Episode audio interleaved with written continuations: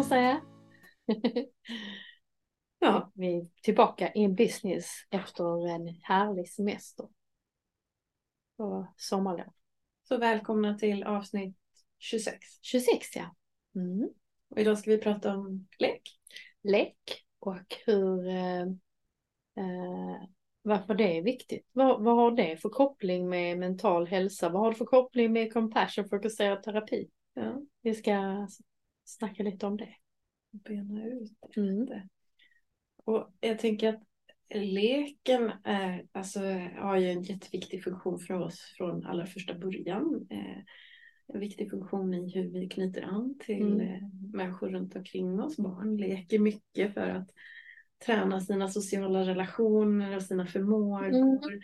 Och det här leken hjälper oss också till att utveckla hjärnan som den ska. Mm, Jag tror att det är, väl, det är många som har lätt att se att det är viktigt för barn att leka liksom för att det är så tydligt i förskolan, och pedagogiken och att de leker fram som du säger sina färdigheter. Och så. Men jag tänker med oss vuxna så kanske vi glömmer bort faktiskt hur viktigt det är för oss för att ha balans i vårt känsloliv. I, alltså hur psykologiskt viktigt det är att ha tillgång till lek. Ja. Ja. Och att det kan hjälpa oss att komma, alltså ibland också närma oss det som är svårt. Ja.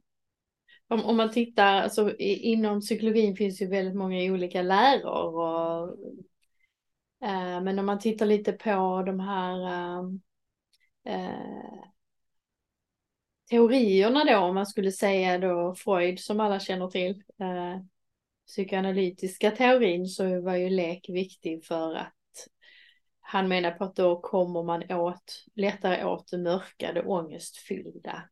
Och att, att om, man via leken försiktigt kan närma sig det på ett, på ett mer glädjefullt sätt eller mindre smärtsamt sätt, då är det lättare att möta det och sen blir det i förlängningen lättare att hante- hantera det senare. Ehm, att det då nå svåra minnen genom att eh, leka fram det liksom. Så. Mm. Och det är väl en tankegång som fortfarande lever kvar i mångt och mycket. Så, i att, Mm. att, eh, ehm, ja, men att det här lekfulla kan hjälpa oss att närma oss det som är svårt. Man använder det i traumabehandling till Mm. exempel. Ehm, och särskilt med barn då. Men jag tänker också att, att man eh, har använt det för vuxna. Liksom att, eh, med humor och hur man kan Ja. liksom, eh, Mm. leka fram eh, kopplingar eh, Mm. och skoja med varandra. Mm. Och det är ju fortfarande en tankegång som lever kvar att det hjälper oss att närma oss det som är svårt. Hjälper oss att närma Mm. oss våra känslor, svåra upplevelser. Mm. Och när man jobbar med compassion som vi gör mycket då så, så använder vi väldigt mycket av att föreställa oss och att eh, när det är svårt att nå självmedkänslan eller när det är till och med blockeringar eller starkt obehag med självmedkänslan så, så använder vi ju egentligen leken där att föreställa oss liksom nu ska du Okej, om du inte känner den, hur kan vi föreställa oss om du skulle vara så här? Eller vad skulle du säga till din kompis? Eller vad skulle du skriva? Eller um, stolsövningen har vi nog nämnt innan, alltså att vi leker fram. Uh, så, och det är ju också vanligt i annan terapi, om man säger sorgbearbetning, är det också jättevanligt att man leker fram ehm, eh, någonting, alltså att man leker fram en sorgbearbetning eller ett avslut med någon som man kanske har en komplicerad eller ett eh, icke avslutad kommunikation med någon och så, att man bearbetar sorgen på ett sätt att eh, man skriver ett brev eller att man har också en roll eller stolsövning med att okej, okay, här sitter din mamma här, vad vill du säga till henne? Och med hjälp med terapeuten så så leker man ju fram eller föreställer sig man sig ju fram en, ett avslut. Ja, man använder någon form av fantasi och kreativitet fantasi. i det. Absolut. Kreativitet, så det, det är ju vanligt i, i, alltså att man har en låtsaslek, att man i terapin kan föreställa sig, men hur är det eh, om jag skulle göra det här och så. Det är ju inte bara i terapi, men liksom att man fantiserar någonting, att man kanske vågar misslyckas, att man um, tänker sig um, att man kan skifta perspektiv med lekfullheten i något som är jobbigt eller så.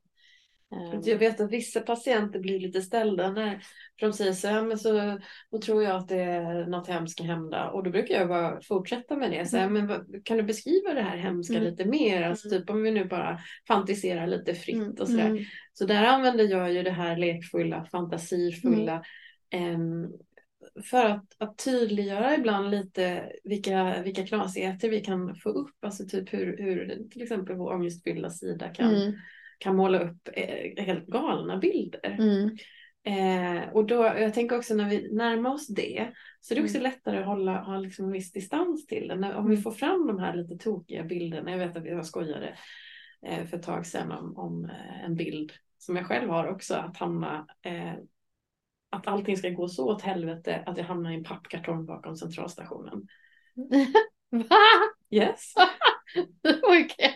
Alltså det låter väldigt hemskt va, men visst gör det men ser du, du skrattar. nu kommer jag ju aldrig kunna gå på centralstationen med Jeanette. Nej, men, Eller ser jag en pappkartong där så måste jag komma och öppna den. Hallå! men det, är så, Jeanette, är du här? det som är roligt med, alltså det, det är så här typiskt som värsta värsta tanke. Mm, De blir helt absurd när man Mm. väl får tänka den hela vägen ut. mm, För ofta stoppar vi oss själva. mm, Men när, när, när du då uppmanas att Mm. faktiskt tänka den hela vägen ut mm, så blir det lite så här, du skrattar nu så här. Mm.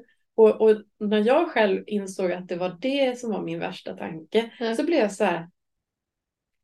Men det finns ju ingen som ligger i pappkartongen bakom centralstationen. Nej. Så jag bara, var kom den idén ifrån? Ja. Att du är helt undanskuffad på baksidan av en, ingen ser jag vet inte man skulle inne. ligga på baksidan av. Malmö central, men okej. Ja. Men någonstans så har den ju tanken verkligen Mm. satt sig. Och eftersom man stoppar den innan Mm. så blir den inte... Alltså så, så har jag ju aldrig ifrågasatt den heller. Alltså jag har Mm. aldrig distanserat mig till den. Mm. För jag har ju stoppat långt innan, innan Mm. jag faktiskt körde hela kände ja men vad hände då? Och vad hände då? Mm. Vad skulle hända då? Vad skulle hända då? Eh, och så gjorde jag samma sak häromdagen med en annan klient som också hamnade i en pappkartong någonstans. och, och då berättade jag det här och då kunde vi sitta och skratta åt det för det var ju så himla dråpligt tyckte vi Ja. båda två. Liksom. Ja. Och båda två kunde konstatera att, att så funkar ju inte samhället. Nej. Nej, oftast inte nej. Nej. nej. Jo, det blir lite som att, alltså, den, kan vi ha den här lekfullheten och verkligen närma oss det här som är riktigt läskigt. Mm. Så kan vi också se lite dråpligheten i, i det och skratta åt det. Ja men alltså vår hjärna är ju dråplig ofta. Ja, Alltså hittar ju på en massa stories och antaganden och sånt som, som skapar jättemycket lidande. Så det du pratar om nu är ju faktiskt att man kan nedreglera hot. Ja. Alltså röda vi har pratat om, att hjärnan är så hotfull. Att, att kan man få tag i någonting som, som, gör att man kan lugna ner hela sitt hotsystem, bryta det lite bara. Mm. och jag tycker att det är samma sak med vår självkritik i det här ju. Ja. Att, att den kan ju också producera ganska bra idéer. Mm. Och kan vi närma oss det med lite lekfullhet och lite Mm. nyfikenhet Mm. bara. S- Och, och, och våga titta på dem med lite avstånd så, Mm. så, så kan de ju vara ganska roliga. Mm. Och det här självkritiska i sig kan vara ganska kul. Mm. Ja absolut, när man börjar liksom se, se vad det egentligen kanske säger ibland. Liksom. Ja, som du, som du har nämnt tidigare kanske ger en rolig röst. Ja. Eh, ja, det gör man ju ofta i efter att man leker. Okej om du har självkritiker, hur låter den då? hur låter den? Hur ser den ut? Ja. Hur poppar den upp och liksom så. Mm.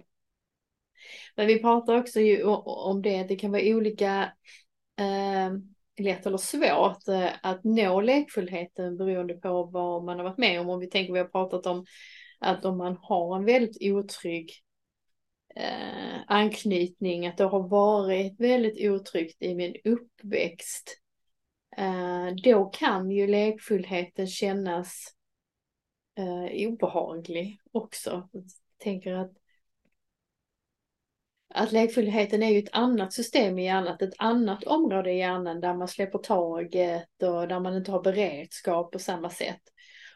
Och har, du haft den där otryggheten med dig så har du ju lärt dig att det är farligt att släppa beredskap. Det är lite Mm. samma som har pratat innan om varför är det så himla svårt med självmedkänsla? Varför kan jag tycka att det är så obehagligt med självmedkänsla, Mm. trygghet?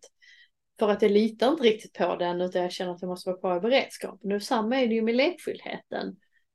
Så att om man känner och lyssnar på det här att det är väldigt svårt för mig med det. Jag kanske blir självkritisk eller att det är mycket skam med, med lekfullhet och så. Så kanske man ska fundera lite på vad, vad är det som hindrar mig? Vad, vad är det som gör att det känns jobbigt att mm. hitta det här med kanske uh, sinnestillståndet av lekfullhet. Liksom. Mm. Jag tänker ibland har ju också eh, lite, alltså svåra upplevelser kopplats ihop med lekfullhet. Mm. Alltså ibland Gränslöshet eh, kanske. Precis, mm. ibland, ibland kan det vara regelrätta övergrepp som har mm. skett mm. under liksom någon form för mm. förhandsspelning av lekfullhet eh, som gör att man då också i hjärnan har kopplat ihop det här mm, lekfullhet och helt plötsligt otrygghet. Liksom. Men det kan ju också vara att man har den här känslan av att jag släppte just på taget. Mm, mm. Och så hände något hemskt. Mm. Och då har man kopplat ihop lekfullheten med det här hemska. Alltså mm. man får de kopplingarna i hjärnan. Att då, då ja. lekfullhet är samma sak som hot. Ja. Och det kan ju vara ett sånt hinder. Mm. Men jag tänker också det kan ju ha varit att man helt enkelt inte har, eh, har fått leka så mycket heller. Mm. Eh, där det kanske har varit i familjen väldigt mycket fokus på att det ska vara eh, säkert och tryggt. Och, och prestation kanske? Och prestation. Mm. Eh, där, man, där det kanske liksom inte uppmuntrades till att vara lite busig eh, och göra lite knasiga saker eller så. För det tänker jag också är en viktig bit i, mm. alltså för oss för att mm. utvecklas som vi ska. Mm. Att vi får eh, testa lite gränser, busa, göra fel. Eh, det blir också en viktig komponent i att utveckla sin egna lekfullhet. Mm. Och man kan ju se att, att äh, människor som skattar en högre, högre grad av lekfullhet äh, också sover bättre till exempel, att det kan hjälpa mot smärta. Ehm, och att det är ett sätt att, som vi sa, nedreglera hot, alltså stresshantering. För att det är helt andra hormoner som börjar spruta i hela kroppen när du liksom eh, leker eller eh, hittar det centret i hjärnan och så. Eh, så det är mycket att vinna med att, att fortsätta leka. Sen tänker jag att vi som vuxna eh, kanske då kan tycka att då, då, då ska man liksom eh, inte leka om man ska vara vuxen och så. Men mycket av saker vi gör är ju förklädd lek. Oh ja. Ja, det är ju liksom väldigt mycket vi skriver om det till en hobby eller i fritidsintresse eller så. Men det är ju, vi leker ju. Mm. Ja. Uh, och på jobbet också kan, kan, kan, kan vara lekar liksom. Som, ja. Um, så, det var lite kul för både du och jag hade ju lagt märke till att eh, när vi hade eh, tittat på intervjuer med folk som var över hundra år gamla. Hade vi, vi, hade ju båda lagt märke till att de var ganska busiga och liksom att de hade, hade någon form för lekfullhet mm. över sig. Mm. Så man skulle ju kunna anta mm. att, att eh, det här lekfulla också faktiskt eh, ger oss andra hälsoeffekter. Mm. Eh, ja, det var den serien som på Netflix med Blue Zones, eller mm. blå, blå zonerna. Mm. De här fem zonerna i världen där de lever längst. Ja.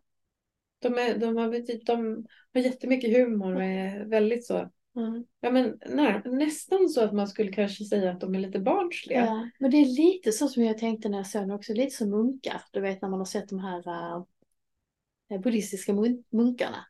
Eller Dalai Lama som, ja, som bara liksom som bara och sitter och fnissar hela tiden. skrattar lite och bara, kommer jag, alla tycker om mig. Och, alltså du vet hela den här, alltså de har ju inte, de, de, har, de har ju tränat bort det här hotfulla utan är mer i liksom medkänslan till sig själv och till andra. Att, ja, så, det är ju inget allvar, alltså det kan vara stort allvar mm. men det är inte det här allvarsamma liksom. Utan att... Den här balansen, vi pratar också om det, det är ju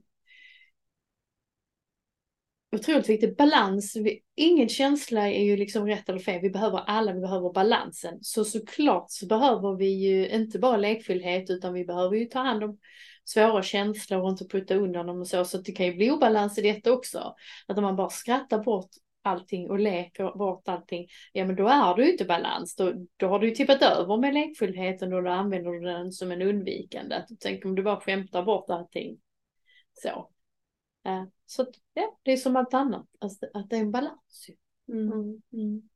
Men jag tror, jag tänker på det, jag tänkte också på det när jag såg den serien på Netflix.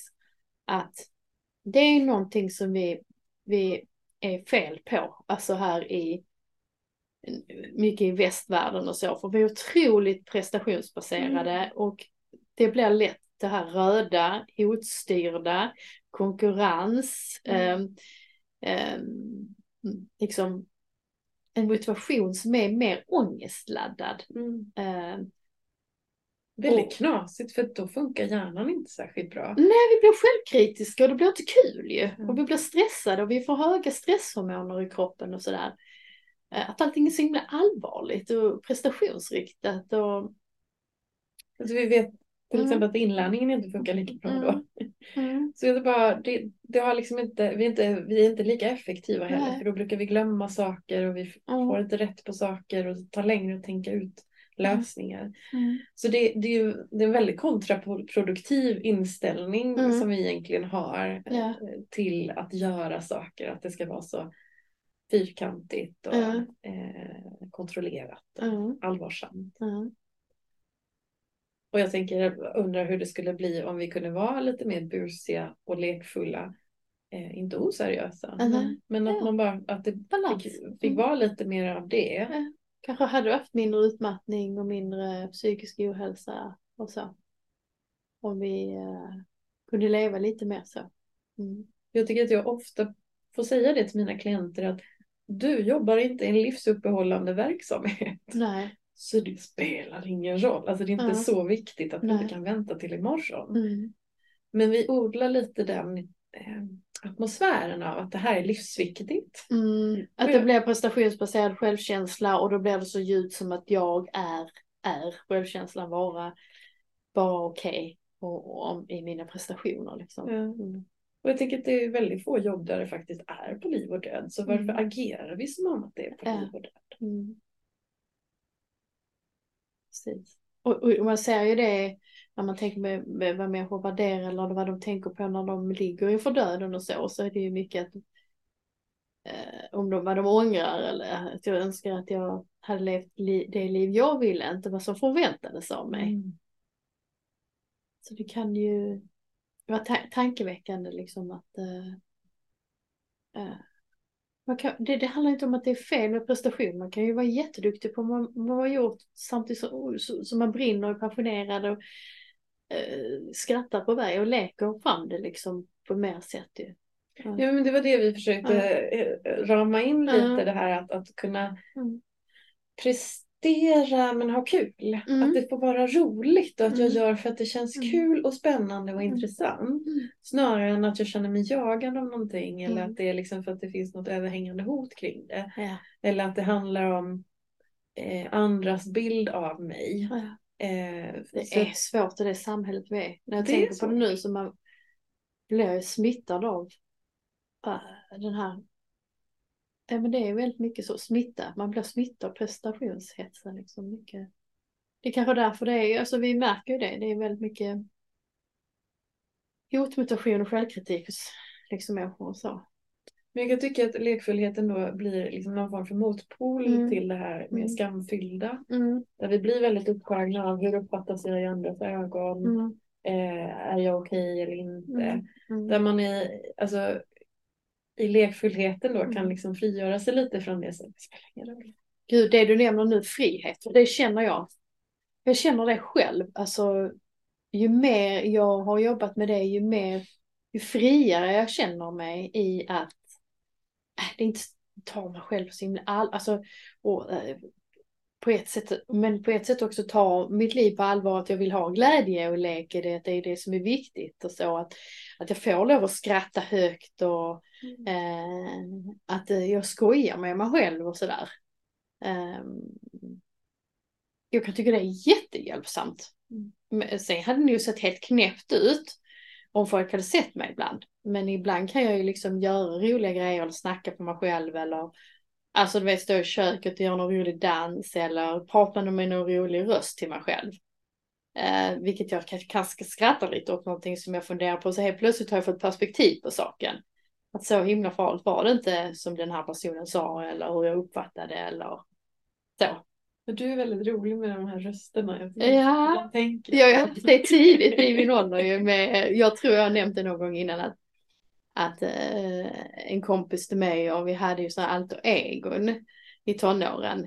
Eh, min heter ju Gunnel och hennes hette Berit. Och jag tror att, att vi började med det för du vet, ja, men det var ju ganska, alltså som en rolig grej tyckte vi, men jag tror också det var lite ett försvar av, du vet, när man var ute, det var ju långt innan vi tog och du vet, man tyckte att killar kunde vara jobbiga och ja, eh, kanske liksom tafsa på en eller du vet, betedde sig konstigt eller så. Och då kom ju Gunnel fram ju. Och Gunnel var hon liksom, har ju ingen, alltså, ingen skam i kroppen. Alltså hon var ju mer bara, här håller du på med sånt, så lugna ner dig här och sånt. Alltså, och, och att vi dansade och hade oss och, och så. Och, eh, Hon kanske hade lättare för att säga ifrån också. Ja, ja, ja. Nej men Gunnel hon. Bara jag säger inte så mycket om vad andra tycker och tänker. Så att det, det är liksom... Hon stressar inte upp sig i onödan kan jag säga. Det gör hon inte. Jag tycker att det är ett sånt bra exempel på hur, hur den här lekfullheten också kan bli hjälpsam för oss. Mm. Att vi kan ju faktiskt utforska sidor av oss själva som vi kanske inte känner att vi riktigt har än. Nej. Eller inte har utvecklat eller landat i. Ja. Genom just en, en, Mm. en, en, sån, en, en, en sån figur som vi skapar. Eh, och det har jag gjort med en del klienter som, som har kämpat lite med att hitta något, något medkännande. Men då utvecklar vi liksom en sån, Mm. sån figur som man Mm. får träda in i där man får Ja. spela en roll. Ja. Och se hur det känns. ja. Och hon blir ju mer ett perspektiv kanske. Som är nedreglerande. Säg att man är stressad för något så poppar hon upp. Mm. Ju- nu, nu vill jag inte att folk ska bli oroliga för mig. Alltså att jag på något sätt har någon multipersonlighet kluven här. Utan det är fullt sunt så jag vet att jag heter Åsa liksom. Utan det här har bara varit hjälpsamt för mig. ja. Ja. Ja, men jag tänker att det, det är fint när vi eh, kan hitta det. Och få leka lite med sådana olika roller. Och, eh, och, och, och det är tillbaka till hur egentligen, alltså som du sa i början här, att, att vi kan både behöva leka som vuxna och som barn. Men barn gör ju det här hela tiden. Mm. Testar olika roller, olika röster. Mm. Du vet när de sitter och leker med sina leksaker.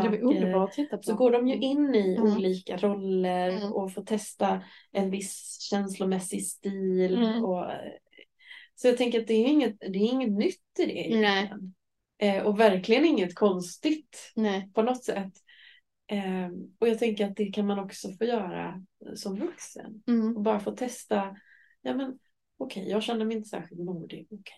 Mm. Men om jag nu skulle vara en modig person. Eh, Hur agerar de liksom? Och Precis. Hur gör de och så. eh. Och jag tror att det var för ett par avsnitt sedan som jag pratade om min inre, inre Frida. Eh. För jag behövde få plocka fram, en av mina bästa vänner heter Frida. Mm. Eh, jag behövde plocka fram den bestämdheten som hon kan ha ibland. Mm. Mm. Jag kände inte att jag hittade den i mig själv. Så föreställer Så dig. föreställer jag mig hen, att jag är henne. Eh. Åh, jäklars alltså. Eh. Då hittar jag något helt annat i mig själv. Ja. Som blev väldigt hjälpsamt. Mm. Det är ju ingen annan som, det är ingen annan som ser det här. Utan Nej. det här är verkligen en inre process. Eh, men som kan bli otroligt hjälpsam i att hitta någonting som jag verkligen behöver i en stund. Mm. Eh, När jag kanske behöver sätta gränser till exempel. Mm. Ja men ha det att kunna skratta lite liksom åt saker och se perspektiv och nej men just det tänka det också för det brukar jag tänka när det har varit mycket alltså jobbar man som du och jag så får man ju höra mycket saker och det, man behöver ta hand om sig själv för att har man suttit en hel dag och lyssnat på saker så sätter det sig kanske i kroppen Mm. eller det gör det, det sätter sig i kroppen då behöver man ju göra saker Mm. då kan det vara jättebra att göra en silly dance eller eh, du vet, sätta på någon låt som man liksom eh, går in i eller Eller göra Mm. några så här roliga grimaser liksom. mm. Det kan vara jättehjälpsamt. ja, Absolut. ja. Och tycker jag, det är ju en av mina favoriter. Mina barn tycker att jag är så pinsam. ja, Men eh, ja, det, så, det, det gör de ju. Mm.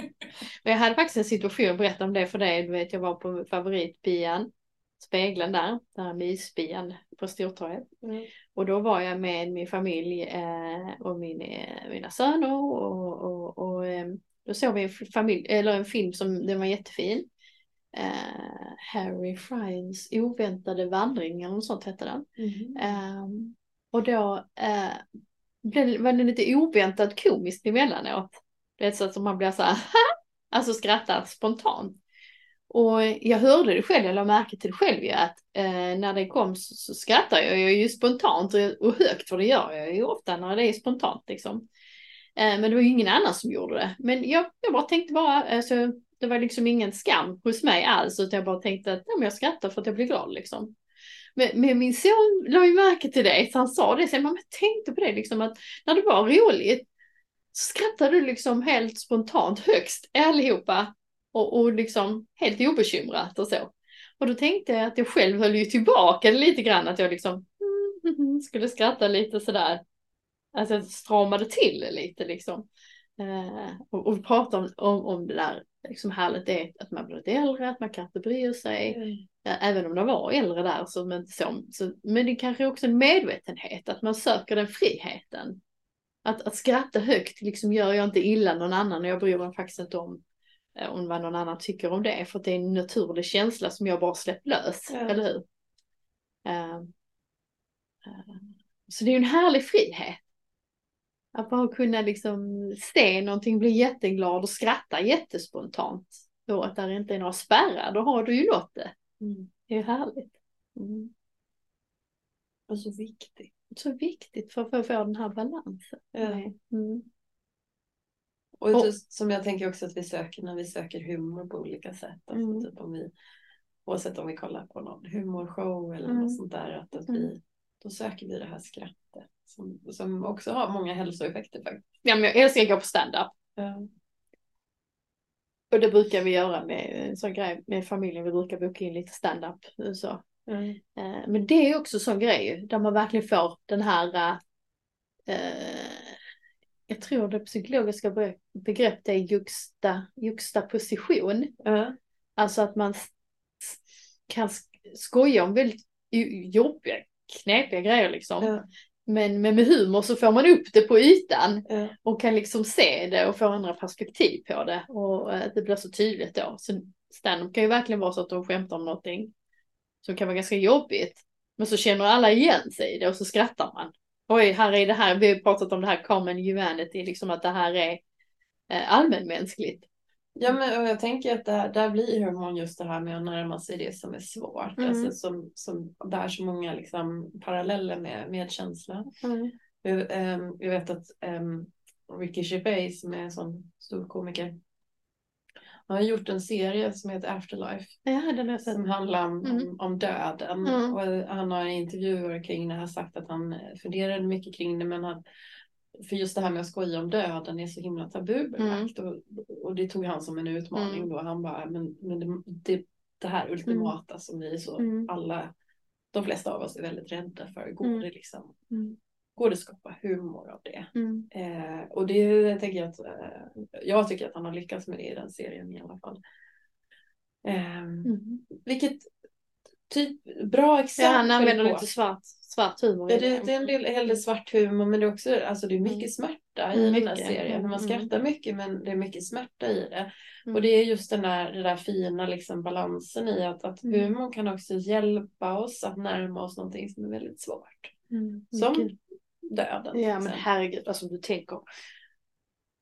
Alltså om man har turen då liksom att leva, så att man lever 90 år. Gud vad man ska gå igenom saker. Mm. Att vi behöver ju ha, vi behöver ha hud, alltså behöver ha lekfullheten. Mm. Behöver ibland inte ta sig själv på så stort allvar eller sina egna tankar eller sina prestationer på jobbet eller så.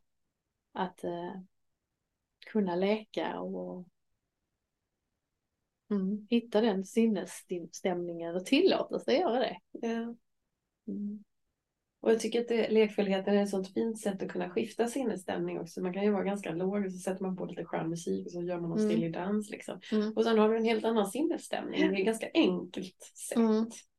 Eller du hoppar i en vattenpöl. Liksom. Mm. Alltså bara sådana små saker som man kan göra för att Jag såg ett sånt roligt eh, Instagramkonto som hette Tantparkour.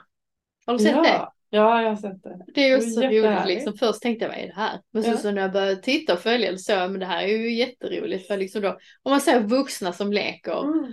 Och då var det liksom mer äh, att tanter bara, när de ser en lekplats, ja men då hoppar vi runt där. Mm. Och då får de lekfullheten men de får också träningen liksom. Ja, ja visst. Ja. Och det är ju verkligen att skita i vad andra tycker. Mm. Så det jag menar det är en hel grupp av Gunnel som springer runt ju. Hitta din inre Gunnel med ta- Med tandparkour. tandparkour. Du får lansera en helt ny typ av kurs. Ja, precis. Så skön. Eh, Ja. Ja. Finns det andra sätt som man kan hitta, liksom börja smaka på den här lekfullheten om man tycker att det är svårt då? Ja, jag tror att det kan vara att hitta något fritidsintresse där man försöker släppa prestationen. För det är vi också Mm. världsmästare på i vårt samhälle. Att även om man bara ska, egentligen ska hålla på med en boll eller om man ska göra någonting så ska det helt plötsligt mätas. Eller jag ska börja jogga, då ska det helt plötsligt mätas. Och då, då är kanske mer igen prestation. Nej, men att göra saker mer kanske hitta någonting som jag hittar lekfullheten i. Men jag tänker din Gunnel gör ju en sak som jag tycker är väldigt fiffig. För Mm. hon, hon har ju en speciell röst. Mm. Och, och så säger hon det som är jobbigt med den här speciella rösten. Mm. Ja. Och det tänker jag, det är ju väldigt fiffigt i Ja. att bara ta in lite lekfullhet. Ja. ja men precis som att vi i, i, tränar med våra patienter, vi har gjort det i övning här också, att man ska hi- hitta varm ton. Att i självmedkänslan Ja. är så himla viktigt att ha koll på ens inre ton. Att det är den lugn, varm som jag pratar till andra. Så. så kan man ju hitta en rolig ton. Så man kan ha en lugn, varm ton. Man kan ha en som vi har pratat innan, bestämd, nej, här är min Ja, gräns. precis. Och sen kan man ju ha Gunnel-ton. Oj, en. Gunnel-ton liksom, som är mer kanske lite så. Mm. En liten busig röst kanske man också har. Mm. Ja, så kan du lära dig att hänga upp och ner här lite grann. Lekfull, jag pratar en del i parterapi om lekfullhet också Mm. för att det är ofta en sån bit som har gått förlorad i, när, vi, när vi kämpar i en relation. Ja. Så tappar vi Mm. lite det här Mm. lekfulla, det kan bli väldigt dömande och kritiskt. Mm. Så jag tänker att det blir lite motpol till det också så här. Och vissa blir lite ställda när jag då Mm. börjar så här, nej men vi struntar i era problem just nu. Mm. Vi fokuserar bara lite på vad är kul. Mm. Eh, när känner ni er busiga? Mm. När, när, när dyker det där lekfulla upp, det här humoristiska? Mm. Eh,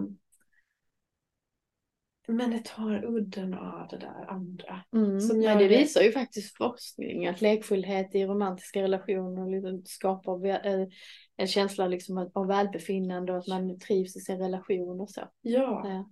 Och att det är nästan viktigare än att vi löser alla våra konflikter. Ja.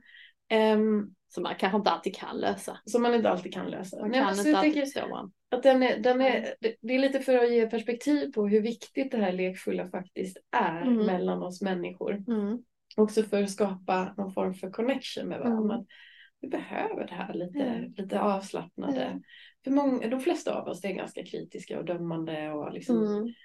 har, känner mycket press. Så kan man bara Mm. få vara lite, Lite busig i det. Precis. Eh, så brukar de flesta av oss också kunna slappna av mer. Ja. Och det är härligt att se par när de, när de eh, antingen tycker att jag är knäpp eh, eller själva hittar någonting sånt Mm. mellan sig och, och vi sitter här och skrattar allihop. Mm. Alltså, och man ser bara hur axlarna på dem Mm. bara sjunker ner. Liksom bara, Mm. Gud vilken tur. Vet du, jag brukar ha en sån lek som jag tycker är jätteroligt. Och det här handlar inte alls om att döma andra människor, utan det här är bara på skoj. Alltså att, alltså att jag kan sitta på café och sånt och så, så kan jag liksom fantisera och höra de som går förbi och deras inre röster. Att jag gör dem till roliga karaktärer. Alltså det har ju inte alls någonting med dem att göra. Nej. Och sen det kan komma någon som går jättefort. "Nej, Jag är så himla bråttom. vad ska jag säga?" Alltså du vet, jag hör deras röster. Eller så kommer någon jättelugn som är helt klädd i blått och så bara hör jag Blue, blue, Hawaii. Alltså du vet så här så, så, så sitter jag och fa- fantiserar liksom. Så. Om dem. Vad vad var liksom så lite deras roliga inre grejer. Det är Ja. jätteskoj att hitta på med fantasin. Vad. Mm. Och en, en annan grej var, vi gjorde med min son, det var när, jag vet inte om vi var på stranden eller på någon, någonstans där vi hade människorna lite längre bort. Och så såg man, hör, hörde inte vad de sa, men man liksom, de interagerade så. Och då låtsades vi vad de sa. Alltså på ett roligt sätt liksom. Ja. Alltså att där stod två stycken där och eh, liksom eh, pekade liksom och sådär liksom att eh, ja men alltså eh, vad deras knäppa konversation var och följde vi deras armspråk eller liksom hur det verkar urarta sig. Att nu är du han och jag är han liksom. Mm. Också leka liksom, ja. skoja med. Ja, men jag, eh, jag gör mycket det med barnen så, med lite så här knäppa röster mm. eller dialekter eller eh, och nu när vi var på semester eh, um, så eh, var vi ute och badade så skulle alla barnen sitta på mig och bara båten sjunker, båten sjunker. Äh. Eh, så det blev en så lite internt skämt äh. mellan oss för att äh. jag hade en sån kul röst kring det. Mm. Eh, och min man var inte med. Mm. Men helt plötsligt börjar han säga det också för han har mm. hört det så många gånger men han vet inte ens vart det kommer ifrån. Nej, han bara vet det. Han har bara hört det så många gånger. Så då började han med den rösten också. Vi bara äh, varför säger du så? Ja. Bara, jag vet inte, alla andra gör det. det smittar. Ja men det smittar. Mm. Men det blir en så här kul grej som man, man gör. Jag tänker att sådana små saker, så här, när mm. vi utvecklar interna skämt, det blir också någon form för lekfullhet. Ja gud ja, och gemenskap. Ja, en gemenskap ja. och ett sätt att knyta eh, mm. band med varandra mm. som jag tycker är viktiga. Mm. Mm. Mycket viktigt. Så om man tänker med depression och så, om vi pratar om de här röda, blåa, gröna systemen så är det blåa systemet mår ju jättebra av lekfullhet. Yeah. Att vi inte är så röda prestations utan att det är mer liksom skoj, vi hittar lusten. Och om man är deprimerad har man ju inte kontakt med lekfullheten. Man har inte kontakt med nyfikenheten. Mm. Uh, och, och då är det, kan det ju vara livsviktigt att liksom verkligen, även om man inte känner för lekfullheten så gör man ändå saker som man brukar tycka var kul liksom eller lekfullt eller så. Mm. Man brukar i terapi snacka om att man ska ta hand om sitt inre barn ju. Ja. Jag tänker att ibland kan ju ens inre barn ta hand om ditt vuxna jag. Att du hittar den där. Att, att uh, man får släppa loss sin lilla treåring. Ja, att det liksom. kommer liksom fram med en, vi gjorde någon sån övning en gång kommer jag ihåg i terapi själv. Någon gruppterapi jag gick med där vi skulle ta i hand om vårt inre barn. Mm. Men det bara svängde, det var ju en sån meditationsövning, att eh, lilla Åsa med Pippilotter eh, tog hand om mig. Mm. Att hon, så hon hoppade loss liksom där och bara mm. skrattade. Det här behöver du. Ja, nu behöver du liksom eh, inte ta det här så allvarligt. Och... Nej, men jag såg liksom, du vet, det var hopprep och skuttande och eh, Pippilotter som studsade med liksom. Och då tänkte jag verkligen den tanken, men gud, hon kan ju ta hand om mig. Ja. När jag tar saker på allvarligt liksom. Och det tänker jag, det är ju den här eh, inre visdomen som vi kan bära på. Mm. Att det var väl precis det du behövde då. Ja. Du behövde väl lite mer bus. Ja. Om vi kan vara öppna för det, mm. det, det som mm. kommer upp, hur det än kommer upp, så kan det säga oss någonting om vad det är vi faktiskt behöver ge oss själva. Mm. Och så, och så blir det lättare att göra för oss mm. själva också. Mm. Jag tänkte på det för att min son är ju bara eh, lite över 20 men utbildar sig inom IT-branschen och IT-branschen skriker efter dem så att de lockar ju med allt möjligt eh, när de ska jobba. Så. Och, och då tänkte jag att det, det gör de ju eh, du vet, hade han sommarjobb och då lockar de in dem där och då, liksom, då inriktar de på vad de tycker är roligt. Men då har de ju liksom de kommer det en glaskyl där man får ta glass och sen så har Coca-Cola-kylen där får ni ta av och sen så är det pingisbord och du, du, du käkar dem bara snabbt och sen gjorde alla pingis och skrattade ju. Mm. Och då tänkte jag men gud, alltså borde ju alla arbetsplatser ha. Alltså något sånt lekrum. Mm. Då hade de någon typ sån, ja men rum som egentligen är ett lekrum ju. Mm. Alltså eh, med pingis eller uh, darts eller det var någon shuffleboard och det var någon liksom Eh, glassbar typ. Mm. Ja men hur kul? Att alla liksom kanske käkar och sen så tog man en runda med, med pingisen mm. eller och någon kanske bara satt och lyssnade på lite musik eller så. Jo, men då tänker jag också att man har förstått vad det är som får hjärnan att funka. Ja. Alltså, hur, alltså vi presterar ju som bäst tänker jag när vi får vara i någon form för turkos tillstånd Mm. där vi är mellan det här blåa, nyfikna, Mm. lustbilda och det gröna. Mm. Så fick de använda en annan del av hjärnan och sen så var det tillbaks till liksom kanske, ja, effektiviteten igen med jobbet liksom. Mm. Ja, men vad ska Mm. du göra för lekfullt i helgen då? Eh, jag ska på carrelage. Ja. Då kan man ju leka lite. Ja. Och så ska jag faktiskt spela, jag tror jag ska spela lite golf. Alltså, ehm, jag kan tro mig, det här är ingen prestation. Det här är inget jag är bra på. Men min son, min yngsta son har tagit grönt kort. Och, eh, så jag tänkte jag skulle hänga med han och bara pröva, eh, eh, för det ska vara fint väder. Så tänkte jag att eh, ska jag leka fram en bra, bra pitch, tänkte jag. Som det heter när man har närspel i golf. Mm. Så det tänkte jag att jag kunde leka med honom lite. Mm. Och du, vad ska du hitta på? Och jag hoppas att äh, vädret är bra i helgen så att jag får spela lite beachvolley Ja. som jag har snöat in på just nu. Mm. Eh, och sen ikväll ska jag gå på Harry Potter. ja. Eh, På Malmö Live? ja, Ja, jag har sett att de har det. Ja. ja. det får bli min lilla lekfullhet. ja men det är det ju. Mm. Mm. Så det är väl det. Sen ska vi, eh, vi får en kattunge på måndag så att vi Åh du, då kommer ni få den lekfullheten. lek.